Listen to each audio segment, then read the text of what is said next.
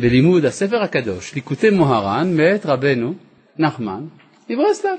והנה אנחנו נמצאים בעיצומה של תורה ז', לא, תורה ח' כבר. כן, תורה ח', תורה ח'. מהו הנושא של תורה ח'? התחלנו כבר בשבוע שעבר, הסברנו שתורה ח' עוסקת בנושא חשוב והוא ניצחון הרוחניות, ניצחון הרוח. יפה מאוד, אני רואה שאתה קולט. אני מאוד מקווה שיש לכולם ספרים, ספרים רבותיי, ספרים.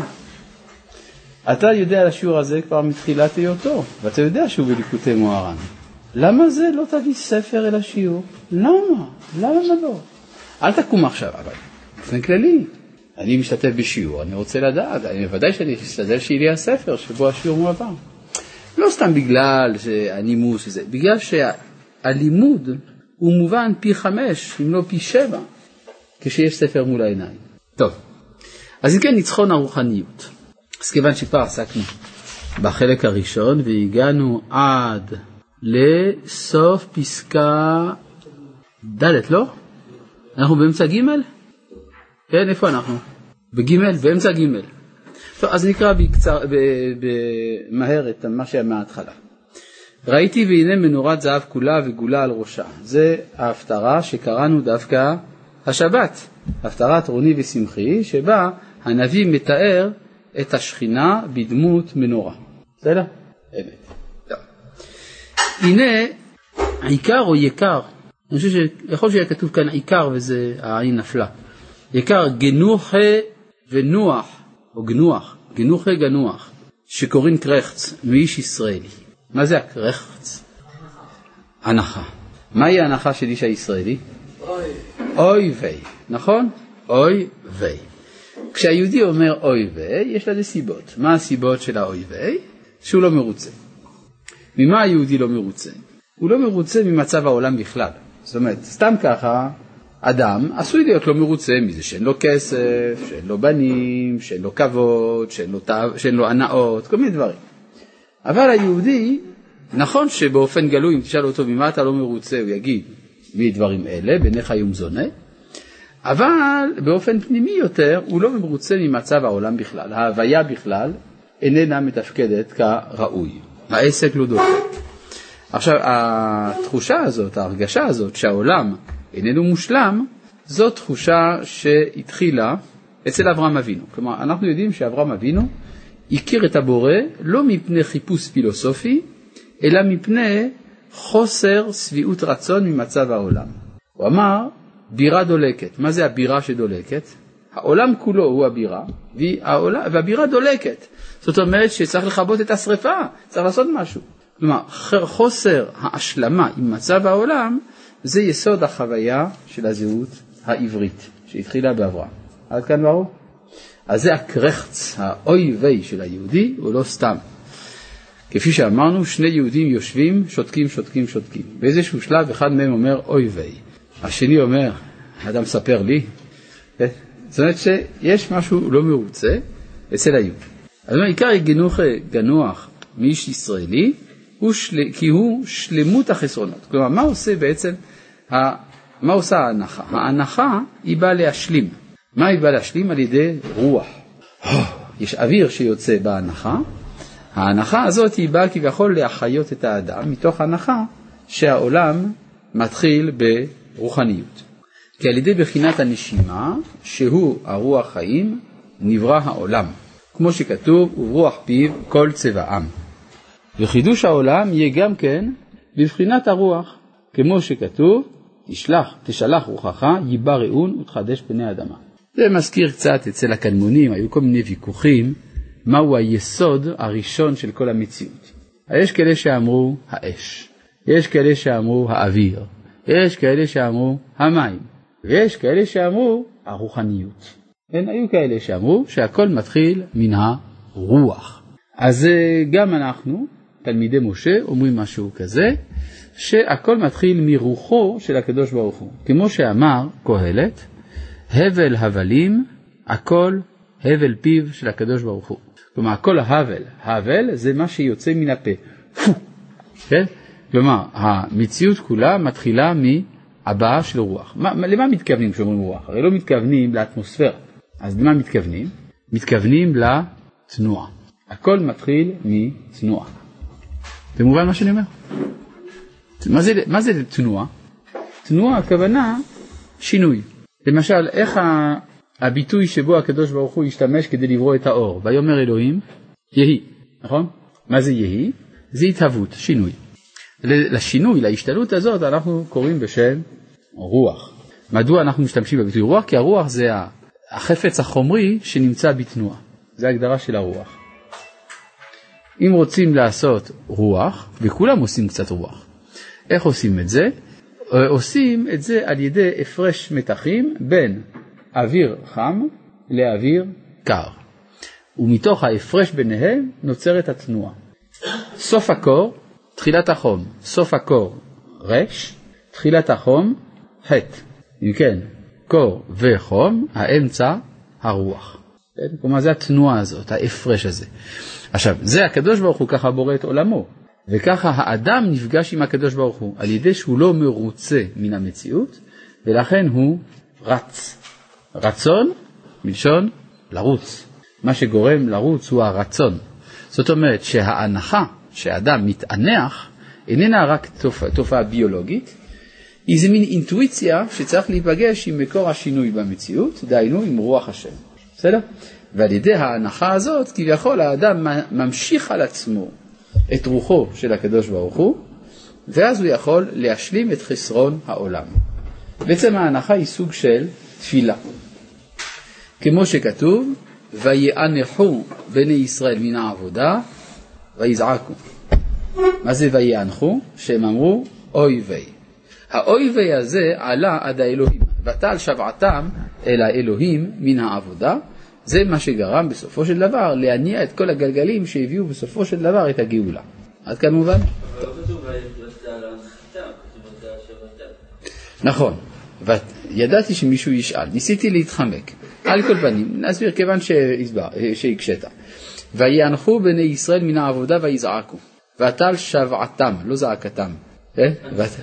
לא הנחתם, אני אמרתי. אני הבנתי מה שאתה אומר.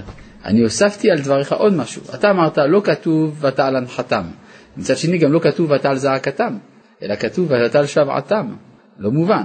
או שנאנחו ואז הייתה צריכה לעלות הנחתם אל האלוהים, או שזעקו והייתה צריכה זעקתם לעלות אל האלוהים. אז מה זה ותעל שבעתם אל האלוהים מן העבודה? שנחשבה הנחתם כתפילה על ידי הזעקה. ברור? כלומר, הזעקה הפכה להיות קטליזטור זרז, ההופך את ההנחה לשבעה. פרשטייסט? זה סגית. כן. דו סיסט הקרחץ, פון האי. כן? אני כבר שוקל להעביר את השיעור ביידיש, מה דעתכם? כן, לא, מן הסתם שזה יביא יותר אנשים, הרבה אנשים דוברי יידיש ירצו לבוא לשמוע. כן. אה, אז כן, כמו שכתוב, רוח מכל שפתיו, וחידוש העולם יהיה גם כן מבחינת הרוח. אז זה חידוש העולם, הכוונה ההתחדשות של העולם, יהיה גם כן מבחינת הרוח, כמו שכתוב, תשלח רוחך, יתבראון ותחדש פני אדמה, והוא גם כן חיות האדם, כי חיות האדם הוא הנשימה, כמו שכתוב, ויפח באפיו נשמת חיים, וכתיב כל אשר נשמת רוח חיים באפיו. זאת אומרת, וכמו שאמרו החכמים, אם תחסר הנשימה, תחסר החיים. מי החכמים שאמרו את זה, אין לי שום מושג, ואני חושב שזה בטח רופאים של ימי הביניים. כן. אבל מה שזה אומר, שגם האדם מתחיל ברוח, כן? אה, וייצר השם אלוהים את האדם עפר מן האדמה, ויפח באפיו נשמת חיים, ויהיה אדם לנפש חיה. זאת אומרת, הנפיחה הראשונה הזאת היא ראשית הזהות האנושית, כמו התינוק שנולד, וכמו תקיעת השופר בראש השנה, שבראש השנה הדבר שבו אנחנו עולים לזיכרון זה על ידי נשימה. טו, כן, מעבירים אוויר בתוך קרן של עיל. העברת הנשימה הזאת זה בעצם מעין בריאת האדם הראשונית שהייתה בבחינת ויפר בבב נשמת חיים. כלומר זה ניסיון לחזור אל הראשונות. כאדם האומר, נחזור על הראשונות. נמצא כי עיקר חיות כל הדברים הוא בבחינת הרוח, וכשיש חיסרון באיזה דבר, העיקר החסרון הוא בבחינת החיות של אותו הדבר, שהוא בבחינת הרוח חיים של אותו הדבר, ואשר הרוח הוא המקיים הדבר. וההנחה הוא הערכה של הנשימה, או עריכת הנשימה, והוא בבחינת ערך אפיים. מה זה ערך אפיים? או איך אומרים בארמית? אריך אנפין. ערך אפיים זה שיקולים של הקדוש ברוך הוא שלפעמים עוברים כמה דורות. למשל, אדם אומר עכשיו רע. כן, אבל מהרע הזה יהיה טוב. זה נחמד. מתי יהיה טוב? בקרוב. תוך שבוע אתה תראה שמהרע הזה יוצא טוב. נו, יפה, אדם מוכן לחכות שבוע. אבל אומרים, תשמע, עכשיו רע, אבל עוד עשרת אלפים שנה יהיה טוב. זה מייאש. אלא אם כן יש לך ערך אפיים. הערך אפיים זאת ההרגשה שלפעמים הרע יש לו משמעות אחרי זמן רב מאוד. מובן? אורך רוח, יפה, אותו ביטוי, נכון, נכון, אותו ביטוי. חבל, דהיינו מעריך רוחי. ועל כן, מה? מה, ועל כן, אני קורא בתוך הספר. מה, אין לך ספר? טוב, לא אומרים אין לי עט, אומרים אין לי הספר. טוב, אה, ועל כן, כשמתענח, אין לך ספר? אוי ויי. ועל כן, כשמתענח, יפה, אני רואה שאתה מתקדם, מתקדם, כבר יודע יידיש וזה. טוב, ועל כן, כן, בוזוקתא, אה, ועל כן, כשמתענח על החסרון, הוא מעריך רוחה, הוא ממשיך רוח החיים לחסרון. כי עיקר החסרון הוא הסתלקות הרוח חיים כנ"ל, ועל כן על ידי ההנחה משלים החסרון. שאלה, מהיכן הסקת המסקנות הזו? ההנחה היא האינטואיציה הלא מודעת של הרצון להיפגש עם התחדשות העולם שמסתמלת באמצעות הרוח. האם זה מן הזוהר הקדוש? אני יודע. מן הסתם, זה מן הזוהר הקדוש, כן? יש בספר יצירה שיש אה, יש, אה, שמים מרוח, אש מרוח, רוח מרוח. אז בכל זאת, בספר יצירה יש מקור לזה שהכל מן הרוח. גם כתוב, רוח מלפניי יעטוף. בדבר השם שמיים נעשו וברוח פיו כל צבעם. ערב טוב, במחילה מכבוד הרב, איפה אנחנו קוראים בליקוטי מוהר"ן? פספסתי כמה שניות בהתחלה. אנחנו סיימנו עכשיו בתורה ח' את פסקה א'. אך מאין מקבלים הרוח חיים? מה קרה? כן. אך מאין מקבלים הרוח חיים? דע שעיקר הרוח חיים מקבלים מהצדיק והרב שבדור. מה זאת אומרת רוח חיים מקבלים מהרב והצדיק? יש שני סוגי רוח, יש רוח סתם ויש רוח עם אישיות. אז השאלה היא, כשאנחנו מסתכלים על העולם ואנחנו מחפשים את מקורו של העולם, השאלה אם אנחנו מחפשים משהו או שאנחנו מחפשים מישהו. אם אנחנו מחפשים משהו, די לנו בפילוסופיה הכללית, אריסטו, ספינוזה, הם מספקים את הידיעה מאיפה הכל מתחיל. והתשובה היא, מאיפה? מההתחלה, נכון? אתה שואל את אריסטו, מאיפה הכל מתחיל? תגיד, מההתחלה. זה הגיוני, זה הגיוני, לא? הסיבה הראשונה. הסיבה הראשונה, תודה רבה. זה יכולתי לדעת גם בלי אריסטו. מאיפה הכל מתחיל? מההתחלה. כשאצלנו משהו מתחיל מההתחלה, כולם שואלים למה. מה הטעם פתח בבראשית? ככה כותב רש"י, נכון? מה הטעם פתח בבראשית? סוף סוף מישהו מתחיל מההתחלה ואתה שואל למה התחילו מההתחלה, אז איפה אתה רוצה שיתחילו? כן? אלא כנראה שלהתחיל מההתחלה עבור היהודי זה חסר משמעות, כי היהודי יודע שההתחלה אי אפשר להתחיל בה, בגלל שכדי להתחיל במשהו אתה צריך להבין אותו, אתה צריך להבין את הסיבה שלו, לכן זה מטופש להתחיל מההתחלה, צריכה להיות סיבה מדוע אתה מתחיל מההתחלה. אבל אם זה כדי להיפגש עם מישהו, אז יש משמעות. איך אפשר להיפגש עם מישהו? על ידי שאת רוח החיים אתה מקבל לא מן החוכמה הכוללת, אלא מן הרב. הרב הוא אישיות, הוא מישהו. דרך המישהו אני פוגש את רוח החיים של מי שאמר והיה העולם. עד כאן מובן? כמו שאומר הכתוב, שאו עיניכם, שאו מרום עיניכם וראו. וראו מה? מה כתוב שם בהמשך? מי ברא אלה, לא מה ברא אלה. מי זה שאלה. אלה, גלוי, רואים. מי, אלה, ביחד זה אותיות אלוהים, נכון? בראשית ברא, אלוהים, מי ברא אלה. עכשיו, זה כן בזוהר הקדוש. עכשיו, אך מאין מקבלים הרוח חיים? דע שעיקר רוח חיים מקבלים מהצדיק. והרב שבדור, כי עיקר רוח החיים הוא בתורה, כמו שכתוב, ורוח אלוהים מרחפת על פני המים, הוא התורה. כן, מים זה התורה. אין שאין מים, אלא תורה. ומה פירוש מים? זה רבים או יחיד, המילה מים? רבים, נכון? רבים של איזו מילה? מה, נכון? מי זה רבים. מה, זה לשון יחיד. מים, כל המה שבמציאות, זה נקרא מים, אבל אני לא יודע מה הכיוון. אני צריך לדעת מה הרוח, לאן זה הולך. אז רוח אלוהים מרחפת על פני, פני מלשון פנים של המים. זאת אומרת, בתוך כל המים יש רוח שנותנת כיוון. מובן? טוב. והצדיקים דבקים בתורה, ועל כן עיקר הרוח חיים הוא אצלם. וכשהוא מקושר להצדיק והרב שבדור, כשהוא מתענח, מעריך רוחי, ממשיך רוח החיים מהצדיק שבדור, שהוא דבוק בתורה אשר שם הרוח. וזהו שנקרא הצדיק, איש אשר רוח בו, שיודע להלוך נגד רוחו של כל אחד ואחד, כמו שפירש רש"י שם. כי הצדיק ממשיך ומשלים הרוח חיים של כל אחד ואחד כנ"ל, וזה בחינת רוח צפונית. מה זה צפונית? צפונה. כן? הרוח שצפונה. איפה היא צפונה? בצפונים. מי זה הצפונים? ישראל. עם ישראל נקרא צפונים. הרוח של הצפונים. רוח צפונית המנשבת בכינור של דוד. כי כינור של דוד היה של חמש נימין כנגד חמישה חומשי תורה. ורוח צפון שהייתה מנשבת בו, ובחינת ורוח אלוהים מרחבת על פני המים. כי רוח צפון הוא בחינת הרוח הצפון בליבו של אדם, שהוא בחינת הרוח חיים, כי צפון חסר, והחיסרון הוא בלב, כמו שכתוב, ויתן לך ממשלות ליבך. ימלא השם כל משאלותיך, ועיקר הרוח חיים הוא בלב, כמו שכתוב בתיקוני הזוהר, כולו שייפין מתנהגין בתר ליבה כמלכה, כמדת אמר, אלא אשר יהיה שם הרוח ללכת, כי הרוח הוא בלב, והחיסרון הוא הסתלקות הרוח של מקום בלב, ועל כן נרגש החיסרון בלב, ועל כן כשנתמלא החיסרון, שהוא בבחינת הרוח כנ"ל, נאמר, וייתן לך משאלות ליבך, ימלא השם וכולי. היינו כנ"ל, ועל כן ישראל שמקבלים הרוח חיים מהתורה נקראים השם צפון, כמו שכתוב, על עמך יערימו סוד ויתייעצו על צפוניך, וצפוניך תמלא בטנם.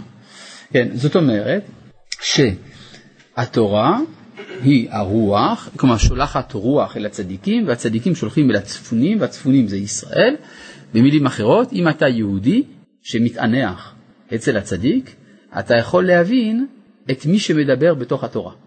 אבל אם אינך מהיהודים המתענחים אצל הצדיק, אתה עלול לקרוא את התורה כפילוסופיה. משל למה הדבר דומה? לניסיון להוכיח את אמיתות התורה על פי דילוגים. מכירים את הדבר הזה? יש אנשים אומרים, תיקח כל אה, 35 אותיות וחצי, תדלג ותמצא, אובמה נשא נאום במצרים. כן? כתוב. מה, אתה לא רואה שהתורה היא אמת? כן? וכדומה. עכשיו, הש... השאלה היא האם הדרך הזאת היא נכונה או לא נכונה. השאלה היא קודם כל שאלה מדעית, האם, אה, זה שאלה בהסתברות, האם ההסתברות שדברים כאלה יופיעו בתורה היא גבוהה או לא, זה דבר אחד, אבל השאלה היא אחרת, מהי התורה לפי השיטה הזאת? לפי השיטה הזאת התורה היא תוכנת המחשב העליונה ביותר בכל הקוסמוס כולו. בעצם הקוסמוס הוא תוכנת מחשב גדולה, ואפשר לקדד אותה, כן, לראות את הצפון בצופן של התורה. יש רק בעיה אחת, שיופי זה, האלוה שנמצא בתורה הוא אלוה של חוכמה, והוא לא אלוה של רצון, הוא לא אישיות, הוא לא מישהו. וזו הסכנה שיש בצורה הזאת של הסתכלות, למרות שאני לא בא עכשיו להכריע אם מבחינה מתמטית יש לזה היגיון או לא. כן.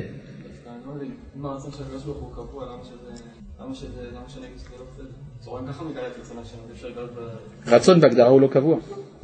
אם הוא קבוע זה לא רצון. כי רצון זה מה שאפשר שישתנה. רוצה ככה, רוצה ככה. אם לא זה לא רצון, זה כאילו בלוף. זה כאילו רצון. זה רצון יחסי למציאות שהיא משתנה. כאילו... הרצון של האלוה הוא קבוע, אז איך הוא ברא את העולם תגיד לי? לפני כן לא רצה, עכשיו רצה. נכון, אבל זה קושייה של המערל, שעצם המושג של בריאת העולם מניח את שינוי הרצון. אבל התחילו מההתחלה, או מהרגע הבא שלאחר ההתחלה. הרי הרב לימד שהתחילו מהאות ב', האות א' הראשונה נסתרת, הלא כן? אתה צודק. זאת אומרת שבאמת לא התחילו מההתחלה, זה, שיש, זה כבר עונה כבר על השאלה של רש"י, מה טעם פתח בבראשית, כי באמת לא פתח בבראשית.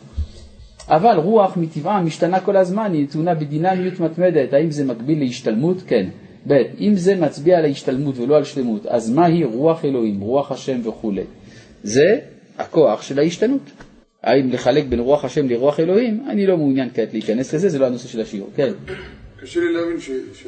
סוף סוף אתה שואל שאלה, אני מתחילת השיעור מתחנן שתשאל משהו, כן, נו. קשה לי להבין איך המציאות המטאפיזית מתחילה במציאות פיזית שהיא השתלמות, שהיא שינוי, שהיא... אה, אתה שואל שאלה יפה מאוד.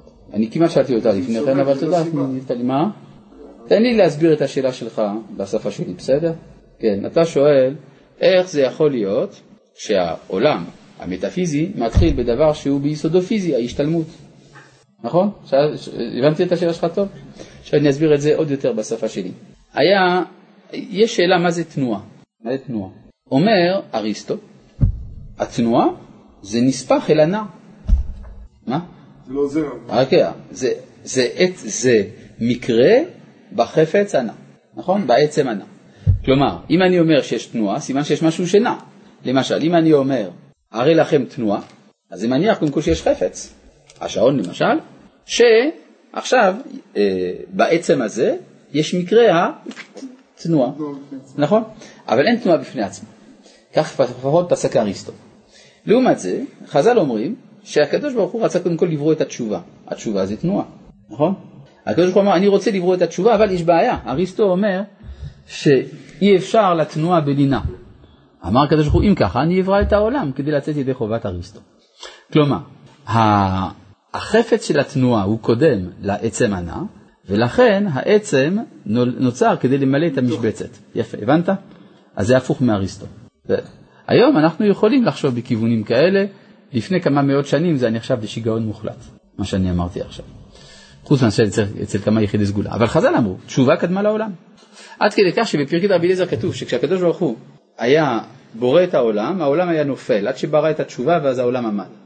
כן, בבקשה. מה הכוונה שמתענך אצל הרב בצדיק של הדור? מה הכוונה שהרב אמר שמתענך אצל הצדיק? הצדיק של הדור, או הרב של הדור, הכוונה מי שאצלו נמצאת אה, מסורת ההתגלות של הרצון. מסורת התגלות הרצון. כלומר... אה? לא, לא, לא, לא, הוא צריך ללמוד אצל הצדיק. צריך ללמוד אצל הצדיק, לא אצל הציון שלו, מדובר על רב חי, לא רב מת. כן. עכשיו, יש לציין שבדורנו, כלל ישראל הוא רב גדול. כן? כלומר, יש הרבה מה ללמוד מהרב הזה, שהוא נקרא כלל ישראל. וזאת משום שבזמן הגלות, הצדיק נמצא אצל היחיד. כלומר, איפה אני פוגש את הצדיק? אומרים, תלך לפלוני, לאלמוני, לך אליו, כדאי, שמה תפגוש את השם, שנאמר את האלוהים מתהלך נוח. במילים אחרות, אתה רוצה לפגוש את אלוהים, לך לנוח. אבל בדורנו קרה משהו גדול, שכלל ישראל התעורר מתרדמתו, ואין לך צדיק גדול ככלל ישראל. ולכן אומר הרב קוק בספר אורות. יש פה אורות? כן. נכון מאיר, תגידו לי, לא יהיה פה אורות. ליקוטי מוהר"ן קשה למצוא, אבל לראות, או, יש אור. אז אה, זה איך כתוב כאן, הנה, בעמוד קמ"ו באורות, בפסקה ג', הדבקות בצדיקים, כדי שיתערב כוח המציאות שבנשמתם עם הנשמה הבלתי נשלמת. כן, כלומר, הצדיק, יש לו נשמה, בומבה של נשמה. בא אליו מישהו שהנשמה שלו זקוקה להשלמה. אז יש דבקות בצדיקים. כדי שיתערב כוח המציאות שבנשמתם עם הנשמה הבלתי נשלמת. היא דבר נכבד מאוד במהלך התפתחות הנפשות. דבר טוב. אבל צריך שמירה גדולה, שאם יטעה בצדיק אחד וידבק בו דבקות פנימית הווייתית, וידבק גם כן בחסרונותיו, הם יפעלו לפעמים על הדבק במידה גרועה הרבה ממה שהם פועלים על האיש המקורי. כלומר, אצל הצדיק יש לו איזה פגם קטן, אבל הפגם הזה מוסיף לו חן, שובבות. זה כזה נחמד לראות את הצדיק עם הפגם, אבל ברגע שיש דבקים בצדיק, אז הם נפגשים עם הפגמים שלו ומתגדלים אותם פגמים אצלם, אז זה נורא. לכן מוסיף הרב, אשריהם ישראל, שהם דבקים בנשמת האומה, שהיא טוב מוחלט לשאוב על ידה אור השם הטוב. כלומר, יש צדיק, שהוא כלל ישראל, שעוד יותר טוב להידבק בו. עכשיו, בזמן הגלות קשה מאוד להידבק בצדיק הזה, כי הצדיק הזה בתרדמה, אבל בזמן הציונות, הצדיק הזה יתעורר, ואז אפשר להידבק בכלל ישראל. כן. אגב, פעם מישהו שאל את הרב צבי יהודה, האם יש סכנה, הרב, הרב מדבר פה על סכנה, האם יש סכנה בדבקות בצדיק כלל ישראלי? אז הוא אמר שלא, אין סכנה. כן, מה אתה אומר? בסופו של דבר נראה שאריסטו צדק. נראה שאריסטו צדק, חלילה וחס, הכיצד? איך ייתכן שהיווני הזה, שהחשיך את עיניהם של ישראל, יהיה צודק? הכיצד? דבר נא, פרש נא דבריך. בסופו של דבר יש עולם.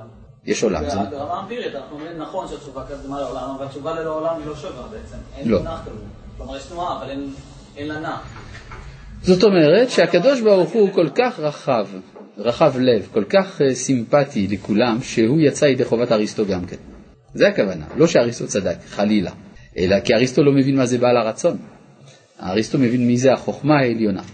מי זה אלוהים אצל אריסטו? זה, זה השכל בעצמו. כן? השכל המשכיל את עצמו, כן? בעוד שאצלנו ריבונו של עולם הוא בעל הרצון, יש יחס מוסרי בינו לבין העולם, מובן? זה כמו שתאמר, פלוני אוהב פלונית, אז הוא מביא לה פרח, סימן שאהבה זה פרחים. זה בערך מה שאמרת. לא, אבל ברמה כרונולוגית, השאלה אם יש מקום בכלל להיכנס לזה, למה קדם למה. ודאי שיש מקום לשאלה מה קדם למה. הרצון, הרצון קדם לעולם, בהחלט. הרוח קדם לכל, זה מה שהוא אומר. תשובה ללא עולם שווה משהו? אה? תשובה ללא עולם. זה שווה כתשובה ללא עולם. הלאה. אה, אח, הרשעי, מה? הרב אמר שיש בעיה להגיד שיש. לא אמרתי שיש בעיה, אמרתי שזה לא מספיק. אני לא אמרתי שזה לא נכון השיטה של הדילוגי אותיות, אני רק אמרתי שהיא לא מספקת לי את מי שאמר והיה העולם. בסדר, אבל אם אני יודע שיש, אני מכיר את המישהו, אז מה הבעיה? האם אתה כבר יודע את מי שאמר והיה העולם, ואתה רוצה לראות את חוכמתו בתורה על ידי דילוגי אותיות, דילוגי אותיות, סחטן, אין שום בעיה. אלא שהשאלה היא האם אתה בונה את המפגש שלך איתו על זה, דהיינו את האמונה שלך על זה, יש פה בעיה. בסדר? דילוגי אותיות זה זה חוכמה בכלל? זה- דילוגי אותיות זה חוכמה, כן, ודאי, כל דבר שיש בו סדר יש בו חוכמה. כן, ההגדרה של חוכמה זה מה שחוקר את הסדר. אבל זה- זה לא- זה זה לא סדר בפני עצמו, זה סדר מוקצב, זה סדר ש... אז זה מוקצב, בסדר, אז זה, זה כבר שאלה של סוגי חוכמה. כן, זה כמו שגיאומטריה היא בנויה על אה, הנחות יסוד, על אקסיומות. אז בגלל זה היא לא חוכמה. הלאה. אך רשעים הדוברים על צדיק עתק בגאווה ובוז. מה? האמונה בקדוש ברוך הוא לא בנויה על השכל. מה? על מה היא בנויה? את זה יכולת לשאול בלי להציע את השכל. היא בנויה על זה שהשם דיבר איתנו, בסדר? מה? אנחנו כן שמענו דרך זהותנו הלאומית. זאת אומרת, כיוון שאתה שייך לזהות הלאומית של העם היהודי, והזהות הזאת היא זו שאליה פונה הדיבור, אז אתה שומע את הדיבור דרך הזהות הלאומית. אתה מבין אותי או לא? לא. אני אסביר למה הכוונה. כלומר, גם אלה שעמדו בהר סיני, לא איתם השם דיבר. בסדר? אלא עם מי הוא דיבר? עם כלל ישראל, עם הנשמה, שהרי עשרת הדיברות נאמרו בלשון יחיד, אנוכי השם אלוהיך, לא אלוהיכם. סימן שהוא דיבר עם אישיות אחת. מי האישיות הזאת? כלל ישראל. כלל ישראל איננה בדור מסוים, היא בכל הדור. ולכן, כיוון שאני מרגיש שייך לזהות הלאומית היהודית, דרך זה אני שומע את הדיבור שפונה לאותה זהות. הבנת אותי? ברוך השם. האם לפיכך הקדוש ברוך הוא גם מושלם וגם משתלם? הקדוש ברוך הוא לא מושלם, הוא שלם. הוא שלם וגם משתלם. והוא למעלה מההגדרות האלה גם. יש התכתבות בין הרב צבי יהודה קוק לבין, אה, מי זה היה? דוקטור שמואל הוגו ברגמן. או פרופסור, הפרופסור, פרופסור שמואל הוגו ברגמן. היה יהודי, אה, לימד פילוסופיה באוניברסיטה העברית, כתב הרבה ספרים חשובים על פילוסופיה. והוא התכתב עם הרב אה, צבי יהודה קוק, והוא שאל אותו איך להבין את המושג של השלמות וההשתלמות באורות הקודש. האם הדבר הזה אין בו הקטנה של האלוהות? הייתה השאלה שהוא שאל, נכון? זוכר את זה? לא. זה, ההתכתבות הזאת נמצאת בספר הזיכרון לדוקטור אדם נוח בראון. והרב צבי יהודה עונה לו, עיין בעבודת הקודש, בחלק העבודה, ואיני דורשו ברבים. אז מי שמעוניין יעיין בעבודת הקודש, בחלק העבודה. בסדר? זה ספר. לא. מה זה? זה ספר. של מי? אה, כי אמרת מה זה. אז זה זה- זה לא באמת. של מי זה? אה, של רבי מאיר אבן גבאי, במאה ה-15, ספרד וארץ ישראל. קיצור, רבי מאיר אבן גבאי, יהודי מיוחד, שהוא הראשון שבעצם מהווה ריאקציה בוגרת, אפשר לומר, למורה נבוכים של הרמב"ם, והוא מסביר במונחים הקרובים לשפה הפילוסופית את יסודות תורת הקבלה ובמהי חלוקה באופן מהותי על, ה, על הסקולסטיקה. בסדר? עד כאן ברור. טוב. וזה בעצם מהווה היסוד של תורתו של המהר"ל מפראג. רואים שהמהר"ל מפראג בנוי כל כולו על רבי מאיר בן גבאי, שהוא בעצם מטרים ב-300 שנה את ספר נפש החיים לרבי חיים מוולוז'ין. טוב, אני, אפשר, אני יכול להמשיך? טוב. אך, רשעים, הדוברים על צדיק עתק בגאווה ובוז, מאין מקבלים הם הרוח להשלים החסרון? זו שאלה ברסלבית מובהקת, כן? כלומר, בדרך כלל, מי קולט איזושהי אמת. אז מה הוא מבין? הוא אומר, מה שאני קלטתי זה אמת. מסקנה, מי שחושב אחרת, טיפש. הוא פשוט לא קלט את האמת, נכון? זה אגב עמדה לגיטימית. הרבה פעמים, לפעמים אנשים שואלים אותי, תגיד, אתה חושב שרק אתה צודק וכל מי שחושב אחרת ממך טועה? מה התשובה לשאלה הזאת? כן. ודאי, כל מי שיש לו דעה חושב את זה. כלומר, אין אדם בעולם שיש לו דעה שהוא לא חושב שהדעה שלו היא נכונה. ברור. וברגע שיש לך דעה ואתה חושב שהיא נכונה, אתה ממילא אוטומטית חושב שמי שלא חושב את הדעה הזאת הוא טועה. כלומר, זה, זה לא גאווה, זה פשוט הכרח שיהיה לאדם דעה. אבל רבי נחמן מברסלב הוא באמת הולך יותר לעומק מרוב בני אדם. כל פעם שהוא רואה דעה לא נכונה, הוא שואל את עצמו, אז מאיזה צד היא נכונה? מאיפה היא באה? כן? כלומר, בתורה נ"ב גם, הוא, שמה יש לו שאלה, מהיכן נמשך הטעות? כי הרי, הרבה פעמים אתה רואה, אתה מדבר עם אנשים, ואתה אומר, הנה, הוכחתי לך שאתה טועה. נו, ואז מה? זה לא גורם לי, אני הטועה, לחזור בי. השאלה היא למה? למה? הרי אחרי שהוכחת לי שאני לא צודק, אז למה אני לא מקבל את דעתך? סתם עקשות, זה עקשנות. מה? מה אתה רוצה? זה כבר עניין של אגו, של אל אתה אומר שזה רק עניין של אגו, זאת אומרת זה מידות רעות. ככה אתה אומר. אני לא מקבל את דבריך, כלל. לא, אני לא חושב שזה נכון פשוט. אמנם מאיך נמשכת הטעות שלך זו עוד שאלה, אבל אני אני חושב מסיבה אחרת לגמרי. כי כשאתה הוכחת לי שאני לא טועה, לא הראית, לא הראית לי במה אני צודק. ולא ייתכן שבתוך הטעות שלי, זה פיוס לאגו. לא, זה לא פיוס לאגו, יש נקודת אמת במה שאני אומר. הרי אדם לא סתם אומר שקר, האדם אומר שקר כי יש איזו נקודת אמת שהוא מחובר אליה, וצריך לברר את הנקודה הזאת. אה? הוא פשוט לא יודע מה שהוא מדבר. הוא לא יודע מה שהוא מדבר, אז למה הוא אומר שטות? גם לשטויות צריך להיות מקום בעולמו של הקדוש ברוך הוא. הקדוש ברוך הוא ברא את השטויות, לא סתם, ברור? כמו שכתוב שתו העם וליקטו, על ידי השטות שלהם הם ליקטו, נכון? כתוב שתו, נכון? קראנו את זה בש, בש, בשבת, שתו העם וליקטו. כן, מה אתה אומר? בהכרח אבל כל אחד חושב אחד הרי יש לו את הזווית המובן יותר, הזווית שלו, יש לו פוטנציאל. ברור שכל אחד יכול השני, וה- כשם ש... איך קוראים לזה? בשם זה? פלורליזם. כן, הבעיה היא ככה. שלו, אני מסכים, השאלה האם אין אמת. ודאי שיש אמת. יש אמת, אבל לא אנושי. אה, אתה צודק, כן, הבעיה היא ככה. כן, אבל אתה אומר ככה, שמאוד קשה לכוון לאמת, זה אני מבין. אבל האם קשה לכוון לשקר? לא כל כך קשה לכוון, כלומר, מאוד קל להצביע על מה לא נכון בעמדה שלי או שלך, נכון? זה קל, זה הרבה יותר קל. כן, יש הרבה אנשי מדע, אנשי שאנשים... לא, יותר מזה, אפשר לזהות את זה בקלות. כן, זאת אומרת, הרבה יותר קל לזהות מה לא נכון, מאשר לזהות מה כן נכון. כי מה כן נכון צריך להיות כמעט, צריך צריך להיות אלוהים באמת, כדי לדעת מה האמת. אבל לדעת מה לא נכון בעמדה שלך זה הרבה יותר קל. כך שאפשר לומר שאנחנו הולכים ומתקרבים לאמת באופן אסימפטוטי, ככה אומרים אה, הפילוסופים של המדע, כן, שהמדע מתקדם על ידי זה שאנחנו מסירים את הטעויות, לא שעל ידי הגדרה חיובית, אלא על ידי הסרת הטעויות. קרל פופר, בסדר, נו, אני יודע שאתה יודע. עכשיו, אה, מה? עכשיו, אה, אבל, אה, אז איפה היינו?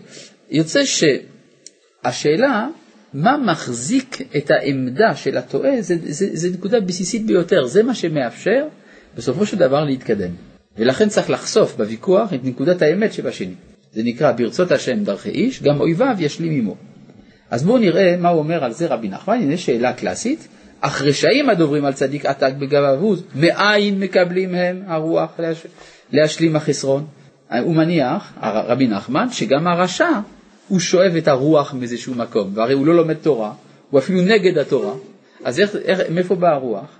אחדה שיש רב דקליפה, יש לו גם כן רב, כמו שלצדיקים, לצפונים יש רב, גם לרשעים יש רב, נקרא רב דקליפה.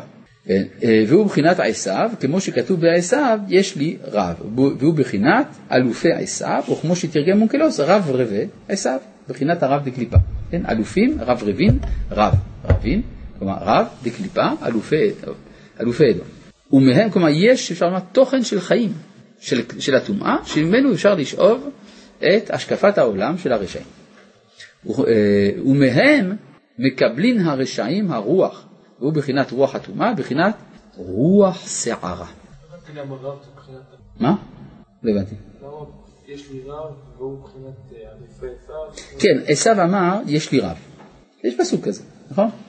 יש לי רב, אחי, יהי לך אשר לך. אז אם כן, עשיו אמר שיש לו רב, נכון? עכשיו, איפה מצאנו שיש לעשיו רב? כתוב, יש אלופי אדום, או אלופי עשיו. אלוף, למשל ללמוד, אלף, אולפן. וזה גם מתורגם רב רבי. רב רבי זה מלשון רב. אז אם כן, זה בחינת רב דקליפה, אלופי עשיו.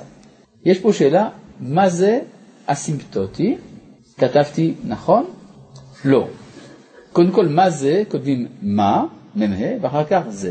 חוץ מזה שאסימפטוטי, כותבים עם י' בין הסמך למ', ו- ובסוף עם ת', לא עם ט'. בהתחלה ט', אבל אחרי זה ת'. זה בגלל שנשאלתי האם כתבתי נכון. לכן הרשיתי לעצמי פה להעיר, כל ההערות. אסימפטוטי, זה הכוונה הולך ומתקרב. זה כמו שלמשל, אם ניקח פונקציה של היפרבולה במתמטיקה, כן? y שווה 1 חלקי x. מכירים את, ה, את הציור הזה?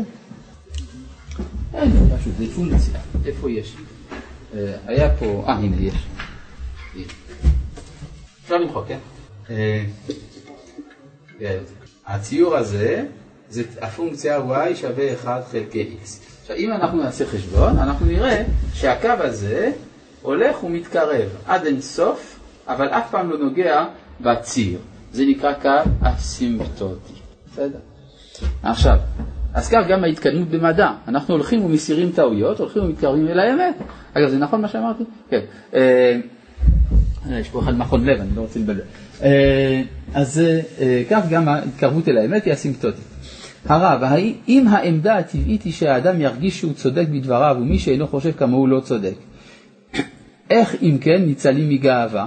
החיים עם תודעה שכולם או רוב האנשים טועים מעיקים בסופו של דבר. רגע, אני לא מבין. זה שיש לי עמדה, זה כשלעצמו אתה יכולת לשאול האם זה לא גאווה. כלומר, זה שיש לי דעה. יש לי דעה, מה זה לא גאווה? שיש לך דעה. כן? אלא מה? הגאווה היא לחשוב שלא ייתכן שאחרים צודקים, כי הם לא אני. זה הטעות, זה הגאווה. ייתכן שהם צודקים ואני הטועה, אבל כל זמן שאני חושב שמה שאני חושב זה מה שאני חושב, אז אני חושב שאני צודק והם טועים. זה הגיוני, זה לא גאווה בכלל. טוב, בואו נמשיך. אז אם כן, אנחנו עסוקים כאן ברב דקליפה, רב רבי עשיו, אלופי אדום. כן, ומהם מקבלים הרשעים הרוח, ובבחינת רוח הטומאה, בבחינת רוח שערה. איפה מצאנו רוח שערה? הרי יש רוח חיים, ורוח אלוהים מרחפת על פני המים, ויש רוח שערה. איפה לקוח הביטוי הזה? זה בספר יחזקאל. בספר יחזקאל בפרק א', שהוא מראה המרכבה, וארא, בפרק א' פסוק ד', וארא, והנה, רוח שערה באה מן הצפון. מה? שם זה רב. שם זה רע, זה הקליפה, זה בדיוק מה שהוא אומר.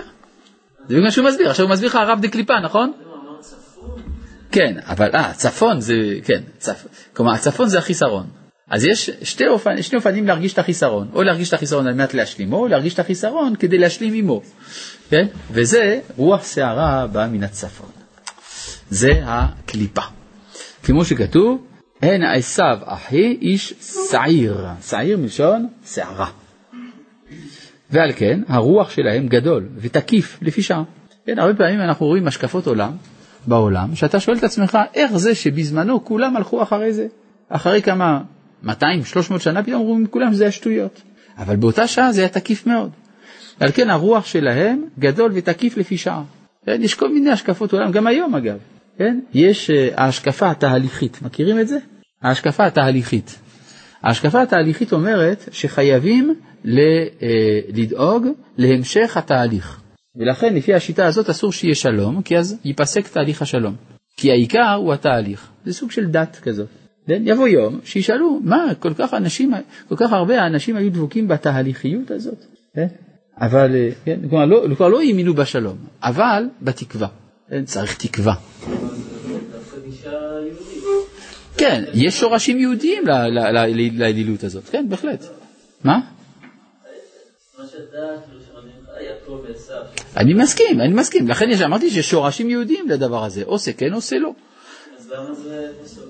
זאת אומרת, למה אתה מתאר את זה בתור שיטה... כן, אבל מה זה תהליך ללא... מה? מה זה תהליך בפני עצמו? אה, אתה עכשיו רוצה לתפוס, אותי, לגרור אותי על פוליטיקה? לא רוצה. טוב, למה לי, למה לי פוליטיקה עכשיו? עכשיו, ועל כן הרוח שלהם גדול ותקיף לפי שעה, כמו רוח שערה שהוא גדול בשעתו, ועל כן כל צורריו יפיח בהם. אם הרב יוכל שוב פעם להסביר שוב פעם מה זה גאווה, לא הבנתי את החילוק, תודה. גאווה היא המחשבה שהדעה שלי היא נכונה בגלל שהיא הדעה שלי, לא בגלל שהיא האמת. ולכן אני גם לא פתוח לאפשרות של הטעות אצלי. בסדר? זה נקרא גאווה. טוב, ועל כן כל צורריו יפיח בהם, יפיח דייקה, שמתגבר עליהם על ידי בחינת רוח פיו, שהוא גדול בשעתו. אך שאין לו קיום כלל, ולבסוף קלה ונאבד. ומסער גופה ונשמתה, כלומר מעביר גופו ונשמתו, כמו שכתוב, ומשלם אל שונאיו, אל פניו להעבידו, ומשלם לשון שלמות החיסרון שנמשך לו, דהיינו בחינת אריכות הרוח, וזו אל פניו, כי פניו הוא בחינת הרוח, כמו שכתוב, הכרת פניהם ענתה בם, זה החותם. כן, יש הלכה, כשמחפשים אה, מישהו שמת, רוצים להתיר את אשתו. עכשיו, בסוף מוצאים את הגבייה שלו. צריך לזהות. הרבה פעמים אחרי זמן רב, הגבייה השתנתה כל כך, שקשה לזהות האם זה המת או לא. אז אחד הסימנים המובהקים כדי לזהות שזה אכן האיש, זה אם האף נשאר. אם עדיין האף נשאר, אז אפשר, למסור, אפשר לסמוך על העדות של המעיד שאכן פלוני מת. הפנים. זאת אומרת, על פי, על פי החותם. החותם, מקום הרוח. אם כן, עיקר הפנים הוא מקום הרוח. הכרת פניהם ענתה בם. משלם לשונאיו אל פניו, זאת אומרת שמשלים את חסרונם על ידי רוח נטומאה, כדי שבסוף יאבדו מן העולם. שוב מבחינת הרוח, כמו שכתוב, ויפח באפיו נשמת חיים, כל אשר רוח, נשמת רוח חיים באפיו. אך הוא להעבידו, כי אף שהוא גדול לפי שעה, לסוף נאבד כנ"ל.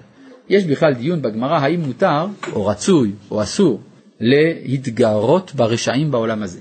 כן? המסקנה של הסוגיה של הגמרא היא שכן, כן? אפשר להתגרות ברשעים בעולם הזה, ואפילו זה רצוי, אלא אם כן שעה משחקת לו. להתגר כנראה להילחם בהם, כלומר לחפש אותם, כמו שמרדכי אומר, המן פה לא יכרע ולא ישתחווה, דווקא הולך להרגיז אותו. השאלה אם יש לזה מקום או אין לזה מקום. אז מרדכי אומר, אם הוא צדיק גמור, אפילו כששעה משחקת לו. שעה משחקת לו, אתה רואה שזה הזמן של ההצלחה שלו. שום דבר לא עוצר אותו עכשיו.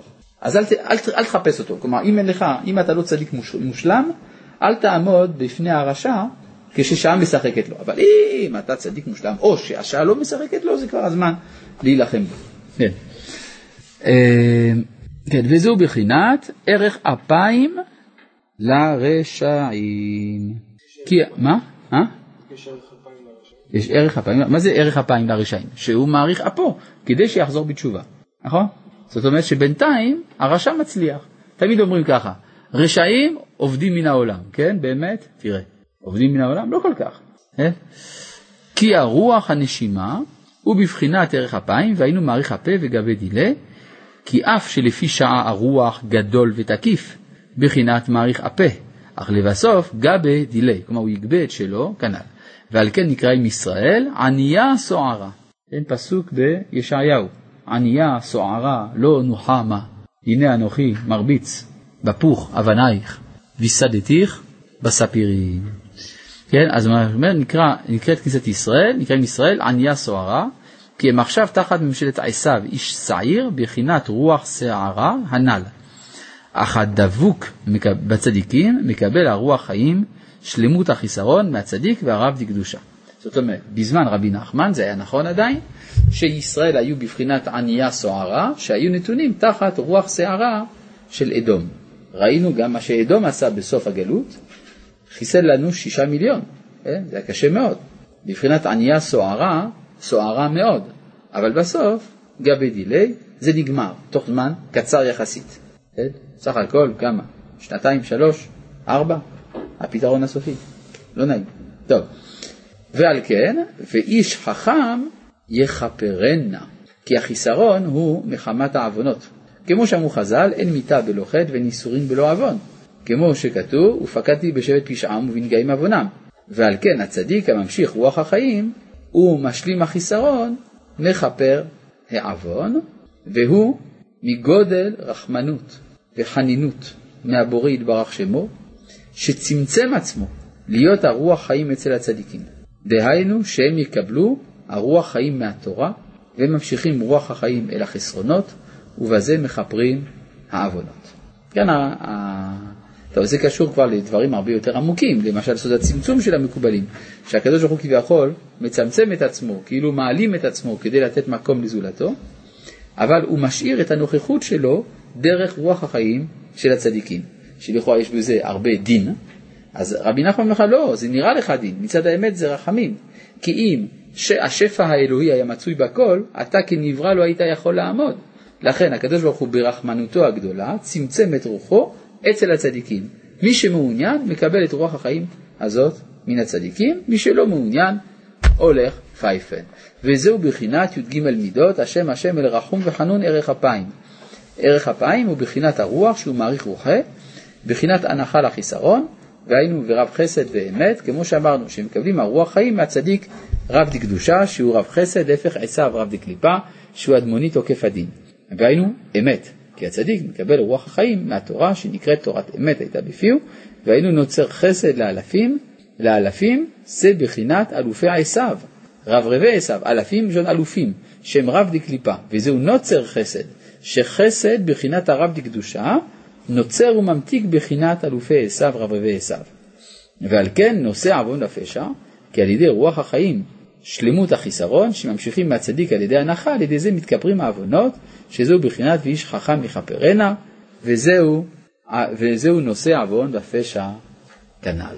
טוב, עד כאן להיום. שלום.